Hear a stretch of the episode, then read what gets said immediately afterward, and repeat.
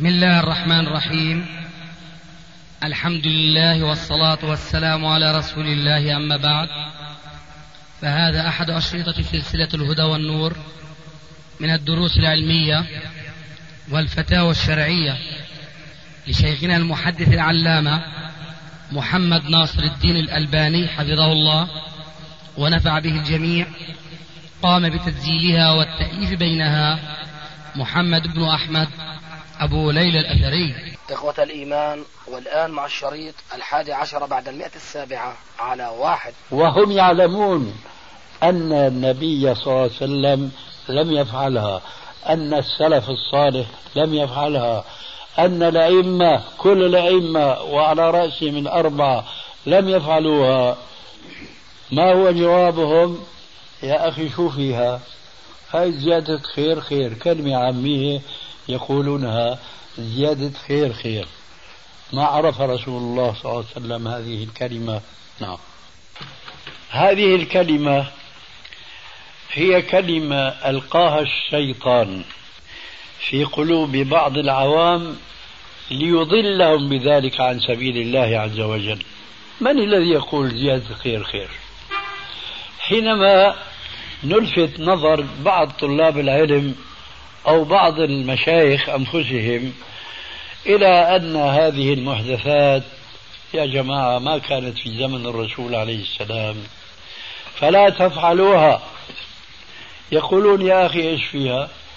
ويذكرون هذه الكلمة زيادة الخير خير.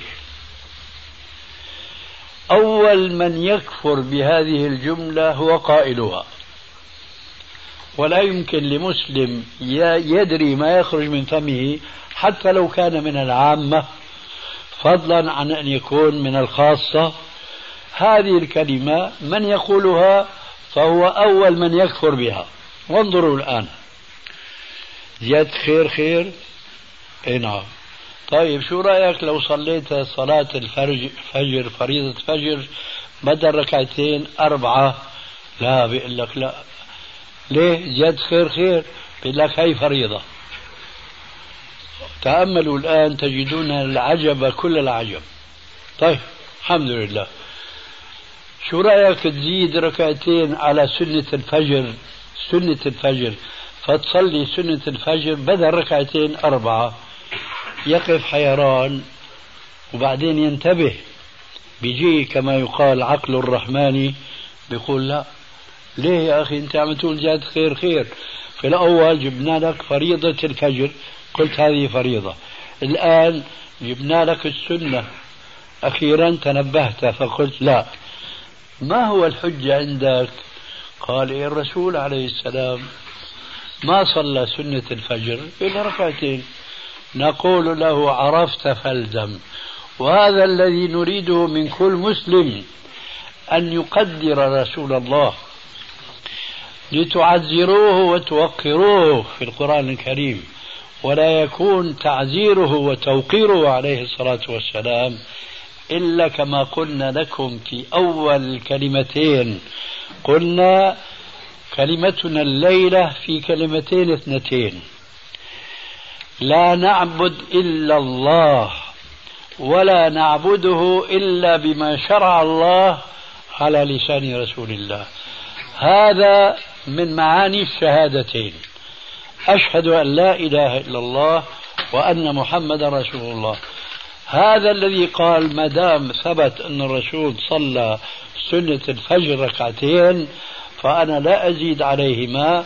رجع إلى هذه القاعدة العظيمة جدا جدا وأكثر الناس عنها غافلون. على ذلك قيسوا كل الدين. كل الدين إن الدين عند الله الإسلام. وعرفتم أن الرسول ما كتم شيئا إنما بلغنا الإسلام كاملا وافيا. فكل ما جاء عن الله ورسوله وقفنا عنده ولا مجال لنا أن نزيد في العبادة وفي الطاعة على ما جاء به رسول الله صلى الله عليه وسلم. ذكرنا لكم في آخر ما ذكرنا أثر حذيفة بن اليمان. كل عبادة لم يتعبدها أصحاب رسول الله صلى الله عليه وآله وسلم فلا تعبدوها. أثر آخر. عن عبد الله بن مسعود رضي الله تعالى عنه قال اتبعوا اتبعوا ولا تبتدعوا. فقد كفيتم عليكم بالأمر العتيق. اتبعوا أكثر الناس لا يقيمون وزنا جهلا أو تجاهلا لأمر ابن مسعود هذا رضي الله تعالى عنه. اتبعوا ولا تبتدعوا فقد كفيتم. شو معنى كفيتم؟ يعني ربنا عز وجل شرع لكم من الدين من الطاعة ومن العبادة. لو كان أعبد الناس بين ظهرانينا معشر المسلمين بعد رسول الله صلى الله عليه وسلم لما استطاع أن يقوم بكل العبادات التي شرعها الله عز وجل على لسان نبيه صلى الله عليه وآله وسلم. الآن أقول أتدرون من أعبد الناس؟ لقد جاء في الحديث الصحيح أن النبي صلى الله عليه وآله وسلم قال أعبد الناس داود عليه الصلاة والسلام. أعبد الناس داود هكذا الحديث بهذا اللفظ الموجد وهذا يجرنا إلى أن نؤكد ما سبق من البيان أن زيادة خير خير هي نفسها بدعة ضلالة. قولهم زيادة الخير هي نفسها ضلالة لأنها تخالف شريعة الله. كيف تكون زيادة خير خير؟ والله يقول اليوم أكملت لكم دينكم إلى آخر ما سبق من الأدلة. وآخرها قوله صلى الله عليه وسلم فمن رغب عن سنتي فليس مني. الآن نأتي بقصة تلتقي في بعض جوانبها مع قصة الرهط. هذه القصة تتعلق بعبد الله بن عمرو بن العاص رضي الله تعالى عنهما. قال زوجني أبي بفتاة من من قريش. فزار أبي زوجتي أو كنته فقال لها كيف أنت وزوجك؟ قالت وكانت مفاجأة بالنسبة لعمها عمرو العاص أبو زوجها. قالت إنه لم يطأ لنا بعد فراشا. أي كأنهما لم يتزوجا. هو زوجه ليحصنه. وهذا من واجب كل والد تجاه ولده. ومن الطرائف أن عمرو بن العاص وابنه هذا عبد الله كان بينهما فقط من الفرق في السن خمسة عشر سنة. خمسة عشر سنة فقط. بمعنى أن عمرو بن العاص تزوج عمره 15 ومن الصدف أو من الموافقات أو الاتفاقات الإلهية أنه زوج ابنه هذا وهو أيضا ابن خمسة عشر سنة. النكتة من تحديد العمر أن تعرفوا كيف كان سلفنا الصالح. فتى في زهرة شبابه. عمره خمسة عشر سنة. يزوجه أبوه بفتاة من قريش وكأنه لم يتزوج. لماذا؟ لأنه كان قائم الليل صائم النهار. لأنه لما سألها عمرو بن العاص وقالت له إنه لم يطل لنا بعد فراشة إنه قائم الليل صائم النهار. كأنه يقول ما, ما لهذا من حاجة بالنساء؟ هو رجل زاهد متعبد. فغضب أبوه عمرو وذهب إلى النبي صلى الله عليه وسلم وشكى ابنه إليه. كأنه قال له زوجت ابني وكأنه ما تزوج. وقالت زوجته إنه لم يطأ لنا بعد فراشا يقول ابن عامر فإما لقيني رسول الله صلى الله عليه وسلم وإما أرسل إلي. فقال يا عبد الله هنا الشاهد بلغني أنك تقوم الليل وتصوم النهار ولا تقرب النساء. فقال قد كان ذلك يا رسول الله. فقال له عليه الصلاة والسلام إن لنفسك عليك حقا ولزوجك ولجسدك عليك حقا ولزوجك عليك حقا ولزورك أي الذي يزورك ولزورك عليك حقا. ثم وضع له عليه الصلاة والسلام منهجا يجمع به بين هذه الحقوق كلها. والحديث فيه طول لأنه من قبل قال له عليه الصلاة والسلام آه، صم من كل شهر ثلاثة أيام. واقرأ القرآن في كل شهر. لماذا؟ لأنه كان يختم القرآن في كل ليلة مرة. انظروا الآن زيادة خير خير. لا هذا كلام فارغ. كان يختم القرآن في كل ليلة مرة. فقال له اقرأ القرآن في كل شهر مرة. كذلك كان يصوم الدهر دائما صائم صائم قال له صم من كل شهر ثلاث أيام. والحسنة بعشر أمثالها فكأنما صمت الدهر كله. يقول يا رسول الله تأملوا هذا الشاب ابن خمسة عشر سنة؟ يقول يا رسول الله إني شاب إني قوي إني أستطيع أكثر من ذلك. فما زال رسول الله صلى الله عليه وسلم يتساهل معه إلى أن انتهى الأمر أن قال له فاقرأ القرآن في ثلاث أي ليالي. فمن قرأ القرآن في أقل من ثلاث لم يفقهه. وقال له فيما يتعلق بالصيام صم يوما وأفطر يوما فإنه أعدل الصيام. وهو صوم داود عليه السلام وكان لا يفر إذا لاقى. لماذا؟ لأنه كان جمع بين القوتين القوة المعنوية والقوة المادية الجسدية. فإذا لقي العدو كان عنده قوة بدنية يستطيع أن يقاومه. ولذلك كان من صفة داود عليه السلام في هذا الحديث أنه كان يصوم يوما ويفطر يوما وكان لا يفر إذا لاقى. إلى هنا انتهى رسول الله صلى الله عليه وسلم مع ابن عمر في التنازل له لكنه لم يزل طامعا. فقال يا رسول الله إني أريد أفضل من ذلك. قال لا أفضل من ذلك. إني أريد أفضل من ذلك. قال لا أفضل من ذلك.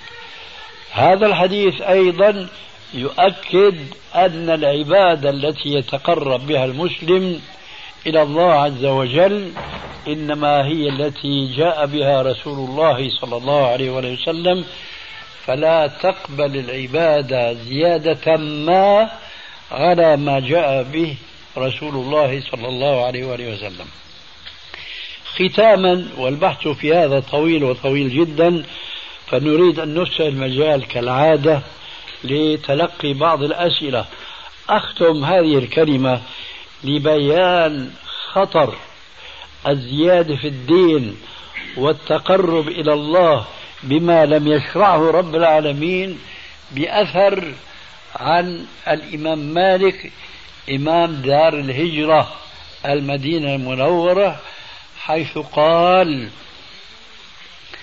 ونعم ما قال من ابتدع في الإسلام بدعة يراها حسنة فقد زعم أن محمدا صلى الله عليه وآله وسلم خان الرسالة. من ابتدع في الإسلام بدعة واحدة يراها حسنة فقد زعم أن محمدا صلى الله عليه وآله وسلم خان الرسالة. اقرأوا قول الله تبارك وتعالى اليوم أكملت لكم دينكم وأتممت عليكم نعمتي ورضيت لكم الإسلام دينا. اسمعوا فما لم يكن يومئذ دينا لا يكون اليوم دينا. فما لم يكن يومئذ دينا لا يكون اليوم دينا. ولا يصلح. هذه حكمة بالغة. ولا يصلح آخر هذه الأمة إلا بما صلح به أولها. بماذا صلح به أولها؟ بالاستسلام للإسلام. كما قال رب العالمين فلا وربك لا يؤمنون حتى يحكموك فيما شجر بينهم ثم لا يجدوا في أنفسهم حرجا مما قضيت ويسلموا تسليما. بهذا تنتهي أو ينتهي بيان الأصلين السابقين. وأرجو على الأقل أن يستقر في أذهانكم معنى هاتين الجملتين القصيرتين إن لم تستقر بألفاظهما. لا نعبد إلا الله. لا نعبد إلا الله. لا نشرك به شيئا بدلالة فاعلم أنه لا إله إلا الله ولا نعبد الله إلا بما شرع الله على لسان رسول الله لأن هذا معنى قولنا وأشهد أن محمدا رسول الله. بهذا كما قلت لكم آنفا أنهي كلمتي هذه لنسمع ما قد يردنا من بعض الأسئلة. والحمد لله رب العالمين. وإياكم إن شاء الله. شيخنا ما حكم الإسلام في موضوع ختان البنات؟ وجزاكم الله خير.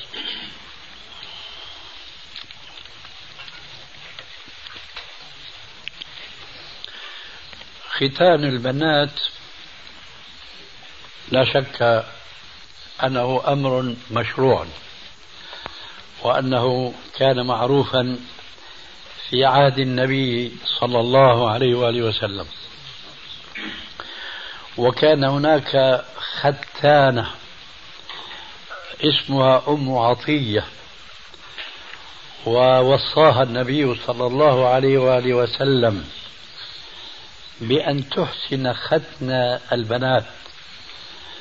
فقال لها إذا خفضت يعني إذا ختنت فلا تنهكي أي لا تبالغي في الختن فإنه أحظى للزوج وأنظر للوجه أو كما قال عليه الصلاة والسلام.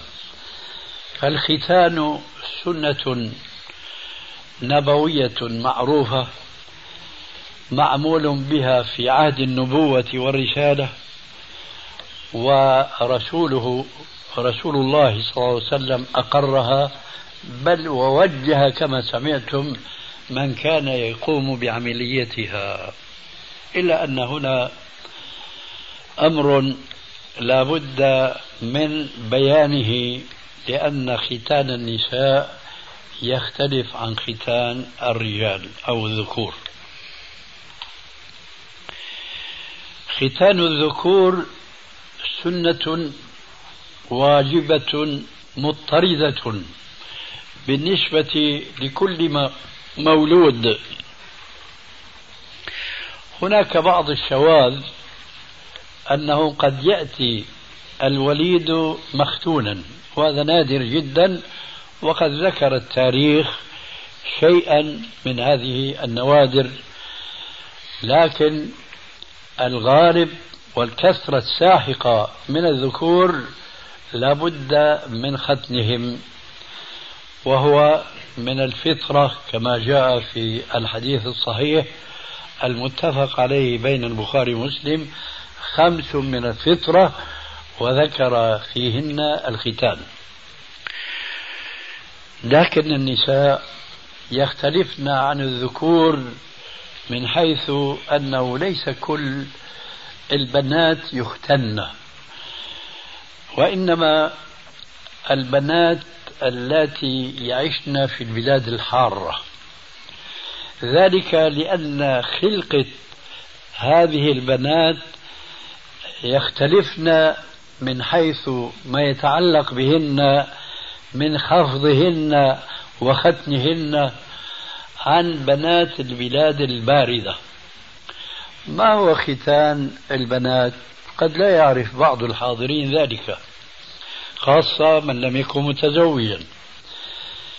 هناك آه، قطعة من لحم تكون فوق فرج المرأة كعرف الديك ناتئ هذه القطعة في البنات اللاتي يلدن من أمهات في البلاد الحارة تكون بارزة وتكون فيها طول.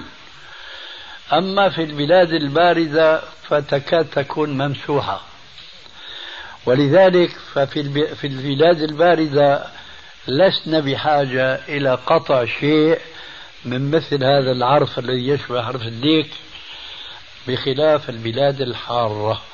مثل الحجاز مثلا مثل مصر ونحوها من البلاد. أما البلاد الباردة كالبلاد الأوروبية فالختان هناك غير واقع لأن سببه غير موجود. فلذلك لابد من معرفة هذا التفصيل. فالبنت حينما تولد لابد أن القابلة تنظر فإذا كانت لها مثل ذلك البذر الناتئ فينبغي ختنها وإلا فلا. غيره. يقول السائل هل يجوز الاعتكاف في غير المساجد الثلاثة؟ وشكرا. هذه مسألة بلا شك فيها خلاف قديم بين الصحابة فضلا عمن جاء بعدهم. والأمر في هذه المسألة كغيرها يجب إخضاعها للآية السابقة السابق ذكرها وهي قوله تبارك وتعالى فلا وربك لا يؤمنون حتى يحكموك فيما شجر بينهم ثم لا يجدوا في أنفسهم حرجا مما قضيت ويسلموا تسليما. لقد صح عن النبي صلى الله عليه وآله وسلم أنه قال لا اعتكاف إلا في ثلاثة مساجد. هذا على وزان الحديث المعروف عند جماهير العلماء.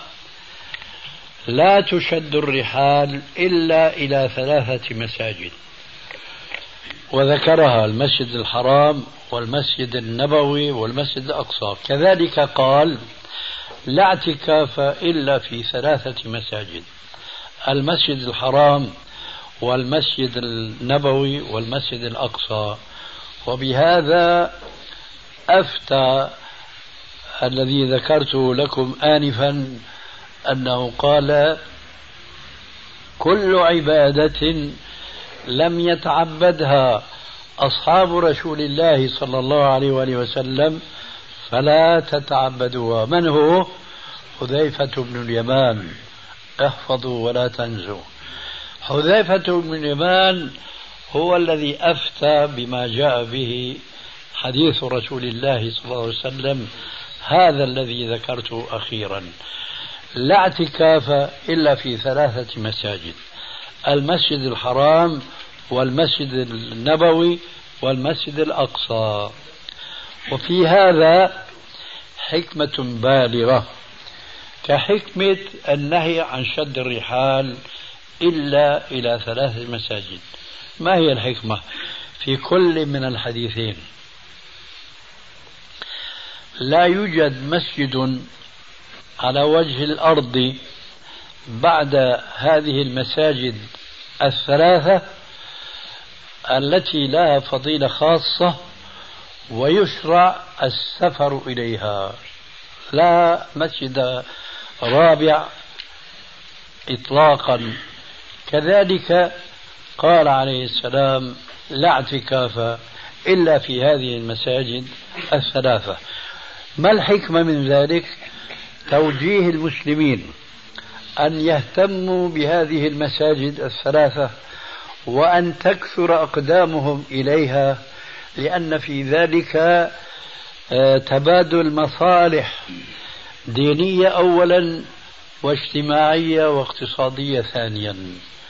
هذا حكم الله فلا ينبغي للمسلم أن يتعدى شرع الله تبارك وتعالى. يقول السائل سمعنا في الأرضين السبع فما هي؟ جزاكم الله خير. لا نعلم ما هي الأراضين السبع لأنها من الأمور الغيبية كالسماوات السبع. نعرف أن هناك بخبر الصادق سبع سماوات. ونعرف أن هناك سبع أراضين أما ما حقيقة هذه السبع سماوات وما حقيقة هذه السبع أراضين فالله أعلم بذلك. هذا الجواب المجمل. والذي لا بد أن ينتهي إليه كل مسلم. لكني أضيف إلى ذلك بأن كل أمر غيبي جاء فيه خبر سماوي. فلا يجوز لمن كان يؤمن بالله واليوم الآخر أن يتوسع في مثل ذلك الأمر الغيبي بعقله ورأيه واجتهاده. الرأي والإجتهاد إنما هو فيما يتعلق بأعمال الناس وأحكامهم وسلوكهم. أما فيما يتعلق بالأمور الغيبية التي يقال عنها اليوم مما وراء الطبيعة فلا يجوز الخوض فيها إطلاقا لأننا أمرنا بأن نؤمن بالغيب. في أول سورة الفاتحة كما تعلمون قال رب العالمين ألف لام ميم. ذلك الكتاب لا ريب فيه هدى للمتقين. من هم؟ الذين يؤمنون بالغيب. ثم قال ويقيمون الصلاة. أول إيمان هو الإيمان بالغيب. وكل أركان الإيمان تدخل في الإيمان بالغيب. وغيب الغيوب هو الله تبارك وتعالى. فنحن نؤمن به ونصفه بما وصف به نفسه تبارك وتعالى. وننزهه عما يعبر عنه علماء التوحيد. ننزهه عن التشبيه وعن التعطيل. نصفه بما وصف به نفسه ولا نزيد شيئا على ذلك اطلاقا ايمانا بما أخبرنا به. ربنا عز وجل في القرآن وأيضا نبيه عليه الصلاة والسلام فيما صح من الحديث عنه. فكل أمر غيبي نقف عند الحديث ولا نزيد فيه. من ذلك الأراضين السبع. ما ندري. هل هي كما يقال مثلا كواكب السبعة؟ الله أعلم. نؤمن بأن هناك سبع اراضين ونقف عن الدخول في التفاصيل. نعم. نعم. وعليكم السلام ورحمة الله وبركاته. تفضل. البارحة بينت لو سمحت والله تقرب لجاي شوية. لا لا مشان التسجيل تفضل يا أستاذ. والصلاة على رسول الله عليه, عليه الصلاة والسلام. بينت البارحة يا سيدي حكم السجود على اليدين قبل الركبتين. نعم. تفريقا بيننا وبين الدواب. نعم. وذكرت من ذلك الجمل. أي نعم. ولم يكن آنذاك أستحضر الدليل ولكنني قلت بأن الحكم منسوخ. فبعد الرجوع للمراجع سوف لا سوف لا تأتي بشيء. يا سيدي. أنا سامع لك. وجدنا الآتي. نعم. نقرأ المسألة إن شاء الله ونريد إن شاء الله منك الإفادة جزاك الله خير. لو لو جلست حتى يجلس من وراءك شو رأيك؟ أنا مشان تسمع يعني أنا وقفت مشان تسمع أنا كلي لك سمع. الله يجزيك الله يحفظك. فالمسألة تقول نعم. يا سيدي. أنا سامع لك. وجدنا الآتي. نعم. نقرأ المسألة إن شاء الله ونريد إن شاء الله منك الإفادة جزاك الله خير. لو لو جلست حتى يجلس من وراءك شو رأيك؟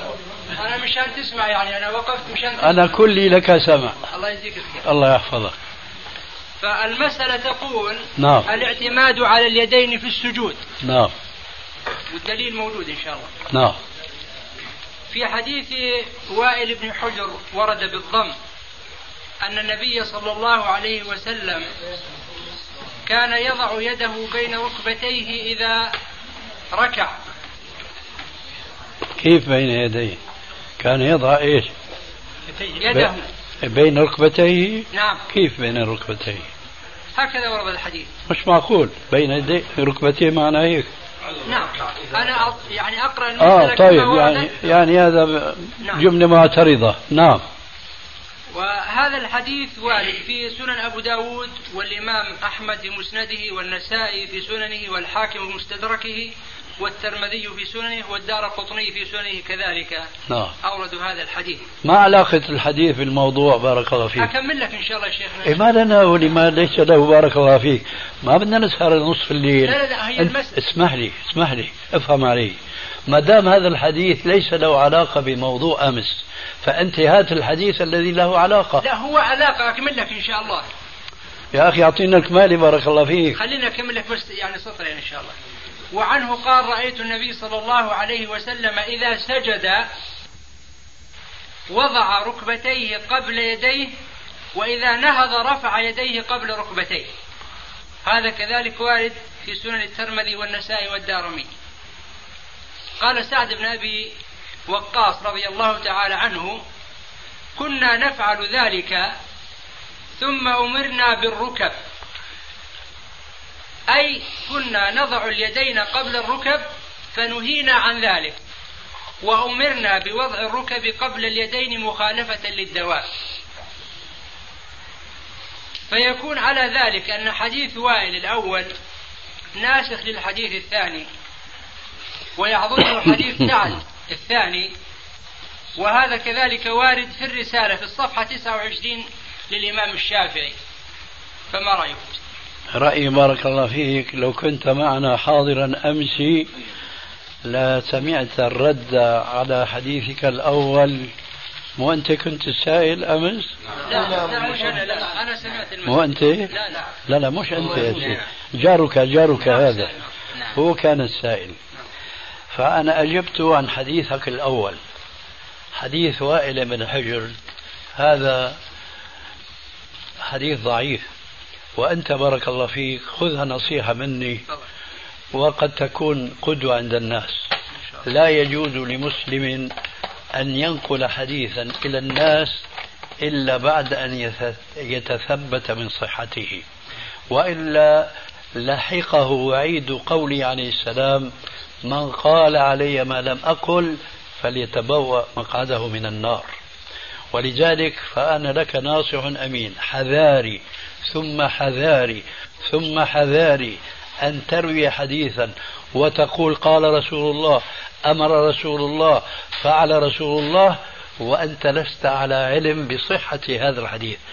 ولعلك في الأمس القريب الذي كنت قد شرفتنا بحضورك عرفت أن علم الحديث له رجال وأن معرفة الحديث هل صحيح أو غير صحيح؟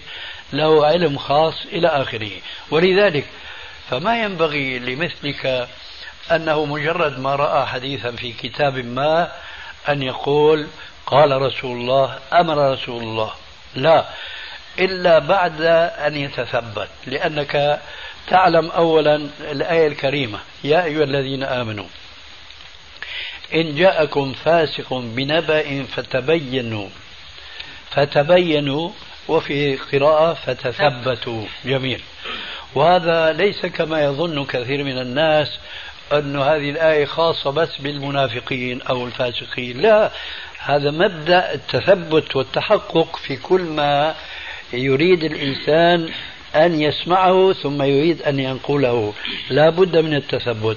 والدليل على ذلك ما رواه الإمام مسلم في في مقدمة صحيحه عن المغيرة بن شعبة رضي الله تعالى عنه قال قال رسول الله صلى الله عليه وآله وسلم كفى المرء كذبا أن يحدث بكل ما سمع وفي لفظ بحسب المرء من الكذب أن يحدث بكل ما سمع.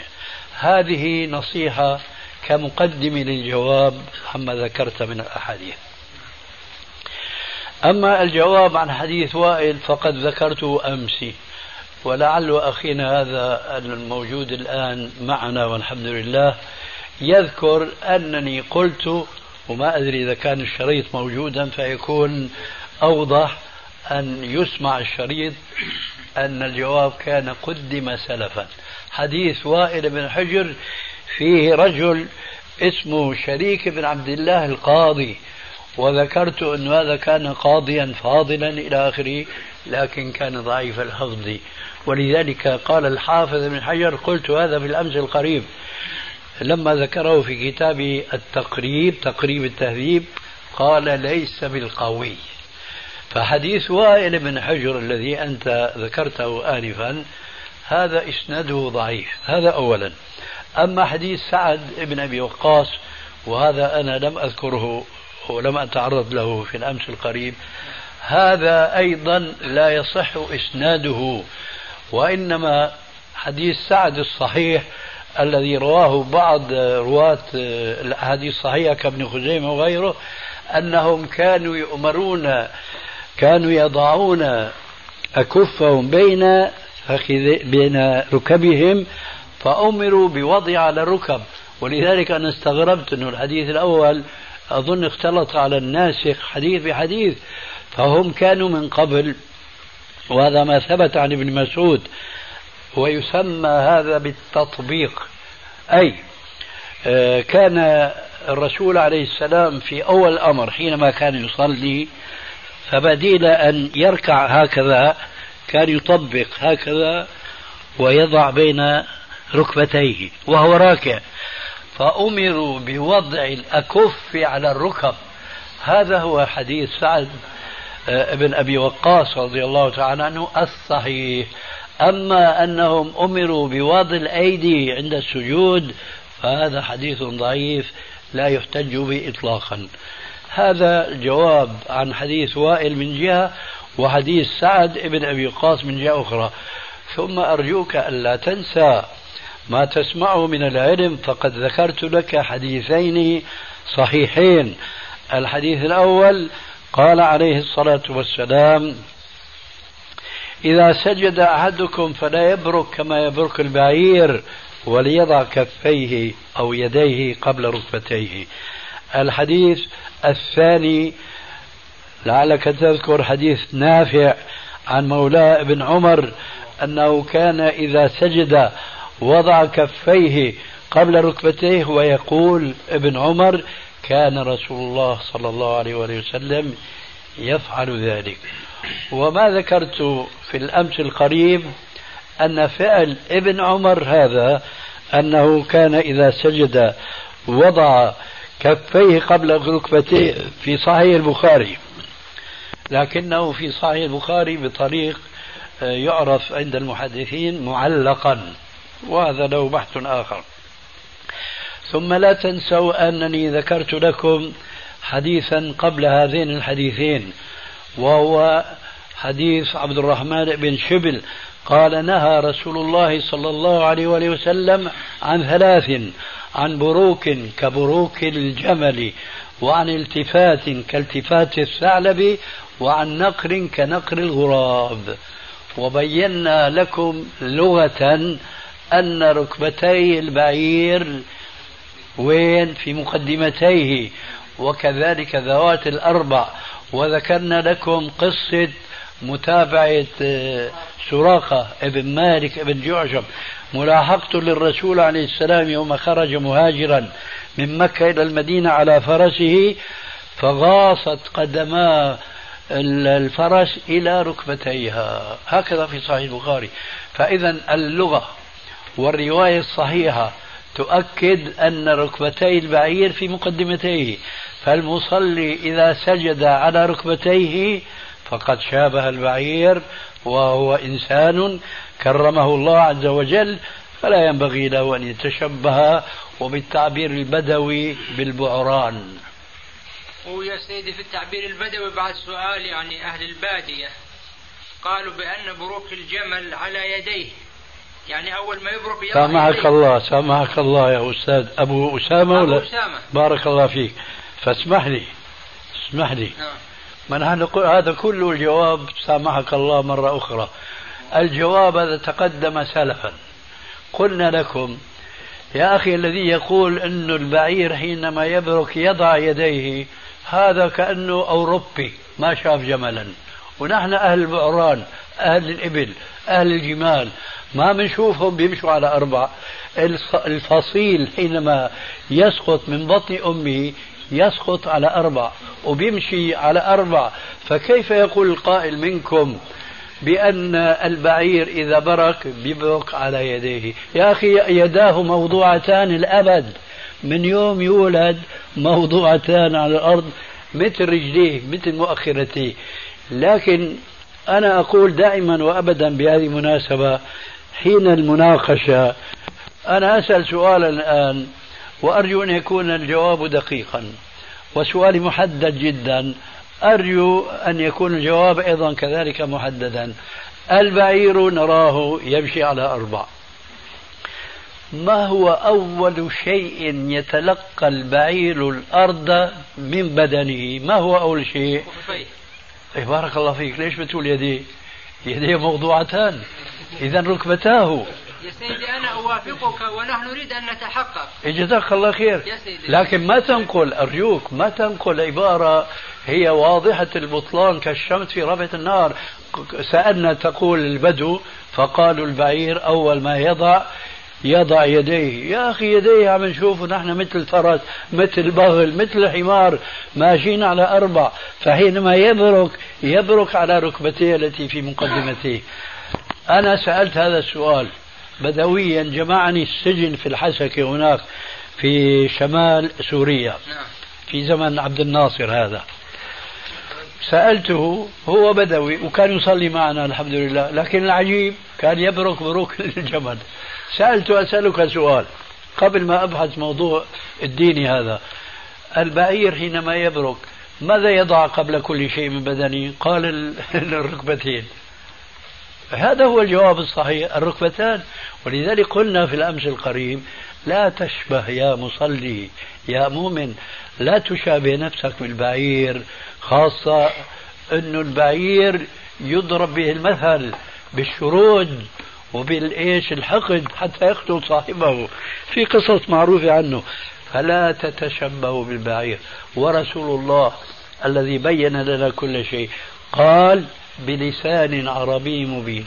إذا سجد أحدكم فلا يبرك كما يبرك البعير. هذا يلتقي مع حديث عبد الرحمن بن شبل. نعم بروك كبروك الجمل. لا تسجدوا. إذا سجدتم فلا تبركوا كما يبرك البعير. قلنا لكم كأن هناك سائل يقول إذا كيف نسجد يا رسول الله؟ يأتي الجواب كما يقال اليوم أوتوماتيكيا. دون أن يتوجه إليه عليه السلام سؤال وليضع يديه قبل ركبتيه. وكفى الله المؤمنين القتال فإذا عندنا باختصار حديثين في النهي عن بروك الجمل. أحدهما يبين بصراحة فيقول وليضع يديه قبل ركبتيه. أن حديث من فعله عليه السلام أنه كان إذا سجد وضع يديه قبل ركبتيه. حديث وائل بن حجر صريح بأنه كان يضع ركبتيه قبل يديه لو كان صحيحا لكنه ضعيف لما ذكرت لكم أن فيه رجل اسمه شريك بن عبد الله القاضي وله علة أخرى كنت ذكرتها في صفة الصلاة. فلا داعي الآن لذكرها. إذا كان عندك شيء آخر يا أستاذ يعني نستفيد منك. أنا أقصد في بيان سيدنا سعد بن أبي وقاص. هذا حديث ضعيف. يبين المسألة. هذا حديث ضعيف. إنه كنا نضع اليدين. بين الركبتين. يهوي ويخر. اي نعم. أحسنت. هذا أيضا دليل دليل من القرآن يخرون للأذقان سجدا. العباد الصالحون في الليل يخرون لإذقان سجا الخرور يكون بقوة. ما بيكون هيك يا الله بالأنتكة يا الله وضعنا الركب. ها؟ آه. طيب إيش رأيك يا سيدي بالكتاب يعني ولا ما نقرأ ولا نحضر كل الكتب ونفتش عن بديل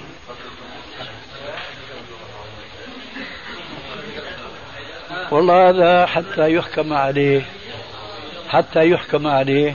لابد من قراءته حتى نتبين هل هو قبل كل شيء من أهل الفقه أم هو مجرد ناقل من هنا وهناك. وثاني شيء وهو لعله أهم هل هو من أهل العلم بالصحيح والضعيف من الحديث أم لا؟ أم هو حاطب ليل أنا لا أستطيع أن أحكم. لا هكذا ولا هكذا. إذا كنت آه، تريد أن تبقيه معي عارية عارية. هو إعارة صحيح لا لا أنا أنا يعني. هو الكتاب إعارة. طيب تفضل إذا أعده إلى صاحبه. نرجو إن شاء الله أن لا يكون حاطب ليل ولا يكون صاحب غرض. ذلك ما نرجوه. ذلك ما نرجوه. نعم يا أخي. حدث اليوم مسألة يعني سؤال بالصلاة رجل جاء يصلي الظهر. جاء مسبوقا. أيوة. كان ولحق بالركعة الرابعة. آه. يعني جاء بالركعة الرابعة. آه. فجلس طبعا الركعة الرابعة وسلم الإمام. الصوت لو سمحت فجاء, فجاء فقام من أجل أن يكمل الصلاة يعني ظل عليه ثلاث ركعات. آه. فجاب الركعة الثانية يعني بدل أن يجلس قام. نسي يعني. يعني قام لس... قام للثانية وهي الثانية. بالنسبة إليه الثالثة. الثانية طبعا. آه، عندما ج- طبعا جاء بده مفروض إنه شو يسوي طبعا؟ يقول قام للثالثة أن لا يجلس. فهو تعمد وجلس وهو. يعلم يعلم إنه هي الثالثة. وجلس كونه راعي الجلوس. لا يعلم انه شو الحكم طبعا. فجلس وهو يعلم أنها الثالثة. فقام إلى الرابعة وجلس. آه، طبعا وسلم وعندما خرج آه، قال لنا يعني لو واحد آه، شو رأيك؟ يعني شو حكم الإسلام؟ قال عد واسجد سجود السهو. وهذا يكفي. فما بعرف شو هذا هو الصواب لكن هو أخطأ. هو أخطأ. الذي فهمته من سؤالك أنه أدرك مع الإمام ركعة. نعم. طيب. فلما سلم الإمام قام هو ليأتي ببقية صلاة. هو. فقام وجاء بالركعة الثانية. نعم. طيب. فبديل أن يجلس للتشهد قام. إلى الركعة الثالثة. نعم. معنى هذا أنه نسي التشهد. نعم. صح؟ طيب. آه ففي ظنه هو مشان يستدرك التشهد الفائت نعم. جلسوا بعد الركعة الثالثة. صح؟ نعم. وهو. يعلم طبعا. أقول. نعم. مشان إيش؟ يستدرك ما فات نعم. أقول. مفهوم هذا الكلام. آه تشهد بعد الركعة الثالثة. هذه زيادة غير مشروعة بطبيعة الحال. ثم قام وجاء بإيش؟ بالركعة الرابعة. وسلم وما سجد سجدتي السهو فقيل له اسجد سجدتي السهو هذا هو الصواب. ماشي. العارض إنه خرج إلى باب المسجد اللي هو في الجمرة في جزء اخر لؤي خرج إلى باب المسجد زي ما تقول تحرك حوالي آه، يعني حوالي أربع أربع خطوات خمس خطوات على باب المسجد. صار الحديث هذا ورجع وسجد. يعني هاي الطريقة القصيرة. ما بيغير شيء من حكم المسألة إذا أردنا أن نتبع السنة. ممكن يعني سؤال ثاني؟ لا. آه. ممكن تسمح لي أن أكمل جواب السؤال الأول. طيب. آه روى الحاكم في المستدرك أن النبي صلى الله عليه وآله وسلم صلى يوما صلاة المغرب ركعتين. صلى المغرب ركعتين. وسلم. وانصرف سرعان الناس. المستعجلين انصرفوا. فذكر عليه الصلاة والسلام بأنك صليت ركعتين مثل ما جاء في قصة ذي اليدين أقصرت الصلاة أم نسيته فلما ذكر أمر بالإقامة. شوف أمر بالإقامة. قديش في هون بقى حركة وفي كلام وإلى آخره. وعاد من عاد وفات من فات. وجاء بالركعة المنسية ثم سجد عليه الصلاة والسلام سجدتي السهو فلا يضر الناس إذا أتى بحركات في الأصل هي غير جائزة في الصلاة. لهذا الحديث ولحديث آه، ذي اليدين الذي فيه أن النبي صلى الله عليه وسلم صلى يوما صلاة العصر ركعتين ثم قام وانتحى ناحية من المسجد ووضع رجل على أخرى يستريح عليه الصلاة والسلام. وهناك رجل يعرف بذو اليدين وكان يبدو فيما يبدو من مخاطبته للرسول عليه الصلاة والسلام بأنه كان جريئا. قال يا رسول الله أقصرت الصلاة أم نسيت؟ قال كل ذلك لم يكن. قال بلى. قد كان. فنظر عليه الصلاة والسلام في أصحابه فيهم أبو بكر وعمر. قال أصدق ذو اليدين؟ قالوا نعم. فرجع الرسول من حيث كان إلى المقام. مقام الصلاة. ولا أقول المحراب لأن المحراب لم يكن في مسجد الرسول عليه السلام. وصلى ركعتين ثم سجد سجدتي السهو إذا هذه الحركات كتلك الكلمات يقول في أمثالها الشافعية خاصة دون الحنفية يقولون الكلام لصالح الصلاة لا يضرها. لصالح الصلاة مش عبث. آه. ويستشهدون بهذه القصة وهذا استشهاد صحيح وفيه يسر على الناس الذين قد يسهون فإذا الحركة والخروج اللي أنت استدركت بعد سؤالك عن الرجل ما يضره. لكن كنت أنا أقول له حيث أنت اسجد سجدتي السهو وانتهى الأمر. هذا هو الجواب. جزاك الله عندك سؤال ثاني؟ يعني. هذا رجال طماع شيخ معلش يعني سؤالي كان. إيه بس نحن قلنا لكم في الأمس ما تسنونا سنة سيئة. لا أنا والله سألت وكانت ورقتي في البداية يعني أول ورقة و... قدمتها يعني. إيه. ويعني ما ما جاوبت. ما أجيب عن سؤالي؟ ما. يمكن في كثير أوراق ما أجيب عنها. إلا إذا بقينا نصف الليل. سؤال بالصلاة يعني خير إن شاء الله تفضل. الركعة الثانية صلاة رباعي. بالركعة الثانية يعني بده يركع نسي الركوع. واستدرك في نهاية الصلاة ما ركع يعني. واستدرك في نهاية الصلاة قبل التسليم أنه يعني ما قام بالركوع في الركعة الثانية. يعني ماذا يفعل؟ سواء سلم يعني تذكر بعد التسليم أو قبل التسليم. يعني شو الحكم؟ يأتي بالركعة. يعني فاتت يأتي بالركعة. نعم. فيها الركوع يكمل الصلاة ثم يسجد سجود السهو. إيه، نعم. يعتد بركعة. نعم. يعتد بركعة؟ نعم. يعتد بركعة كاملة. أقول أيوة يقوم ويأتي بالركعة بكاملها ثم يسجد سجدتي السهو نعم. كان الإمام مثلا في الركعة الرابعة الركعة الرابعة بدل ما يقرأ الفاتحة يعني ما ذكر نفسه إلا قال إنك حميد مجيد الله أكبر إيه. ركع إيه. متى تذكر؟ عندما أثناء ركوعه. آه. عرف نفسه أنه قرأ التشهد بدل التحيات بدل ما يقرأ إيش؟ الفاتحة. نعم. هذا بلا شك ساعة يتذكر يعود إلى القيام. ويقرأ الفاتحة ويتابع الصلاة كما قلنا آنفا. يركع ويسجد ويتم الصلاة كما يتمها عادة ثم لا بد من سجدتي السهو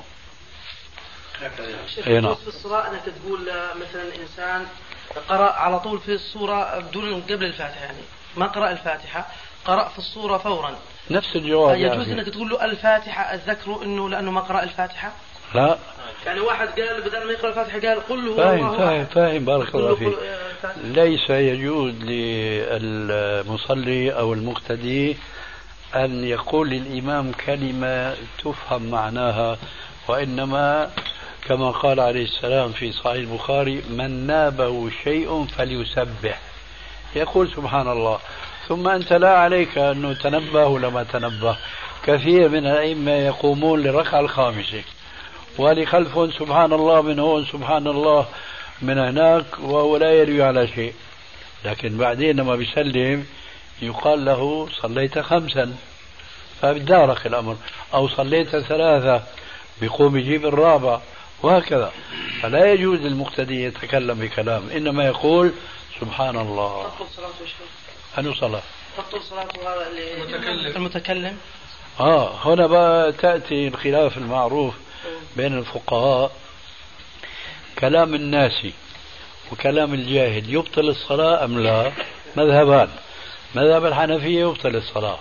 مذهب الشافعية وهو الصواب لا يبطلها. لحديث معاوية بن الحكم السلمي الذي شمت من عطس بجانبه وقال له يرحمك الله. وبعدين الأمر أشكل من هيك صاروا ينظروا هيك بأطراف أعينهم. فصاح بأعلى صوته وثكل أمياه ما لكم تنظرون إلي؟ حينئذ عرف الصحابة أن هذا رجل الحديث عهد بالإسلام. ما بيعرف ما يجوز ما لا يجوز الصلاة. فأخذوا ضربا على أفخاذهم يسكتونه. بعدين الرسول عليه السلام لما أقبل إليه خاف أنه ينهره. لكن كما تعلمون من وصف الله عز وجل في القرآن الكريم بحق وإنك لعلى خلق عظيم. قال فأقبل إليه رسول الله صلى الله عليه وسلم فوالله ما قهرني ولا كهرني. ولا ضربني ولا شتمني وإنما قال لي إن هذه الصلاة لا يصلح فيها شيء من كلام الناس إنما هي تسبيح وتكبير وتحميد وتلاوة القرآن.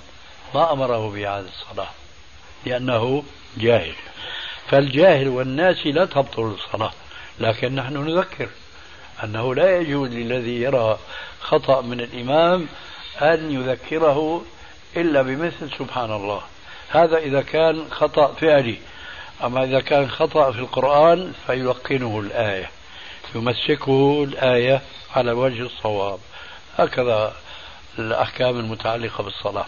سؤال نفس الصلاة خلاص يعني للإمام. لنفس الإمام. آخر سؤال. أجل فيما بعد. آخر سؤال آخر سؤال. هي أنت سنيت هاي السنة هذا الأخ عنك. خلاص. صحيح آه. بدل عم يقول الشاب هذا. هي رؤيا هي رؤيا. تفضل. شيخ إحنا في شركة. يعني بيصلوا فيها صلاة صلاة الجماعة مصلى صغير بعد بعد وقت الصلاة بساعة أو نص ساعة. فالأفضل أن أحافظ على الصلاة على وقتها وأصلي لحالي ولا أنتظر الجماعة. ما هي الصلاة التي تعنيها؟ الظهر. ظهر لا الأفضل أن تصليها مع الجماعة. ولو أخرتها عن الوقت الأول. لأن الوقت الأول فضيلة أما الجماعة ففريضة. لكن أنا أنصحك بأن تصلي في المسجد وليس في المصلى. مو شركة بعيدة بعيدة عن المنطقة المسجد كبير فيها مصلى صغير. يعني لا تسمع أذان المسجد لبعده جاب المصلى لا بعيد فيش مسجد غير مصلى صغير يعني شركة خالية لحالها. هذا كعادتكم. هذا عن السؤال. يعني لا تسمع أذان المسجد أقول لا أسمع. نصلي في جماعة لحالنا موظفين. لا يعني لا تسمع أذان المسجد لبعده؟ لا لا نسمع. لبعده؟ نعم ولا لانشغالك أنت؟ لا لبعده ما نسمع. طيب. إذا كان لكل سؤال بارك الله فيك جوابه. إذا كان المسجد بعيدا بحيث أنك لا تسمعه فأنت معذور حينما تصلي في المصلى. لكن لست معذورا أن تصلي محل عملك لوحدك وأنت بتعرف أنه ستقام هناك جماعة في المصلى. والرسول عليه السلام يقول عليكم بالجماعة فإنما يأكل الذئب من الغنم القاصية فأصحى ياكلك الديب.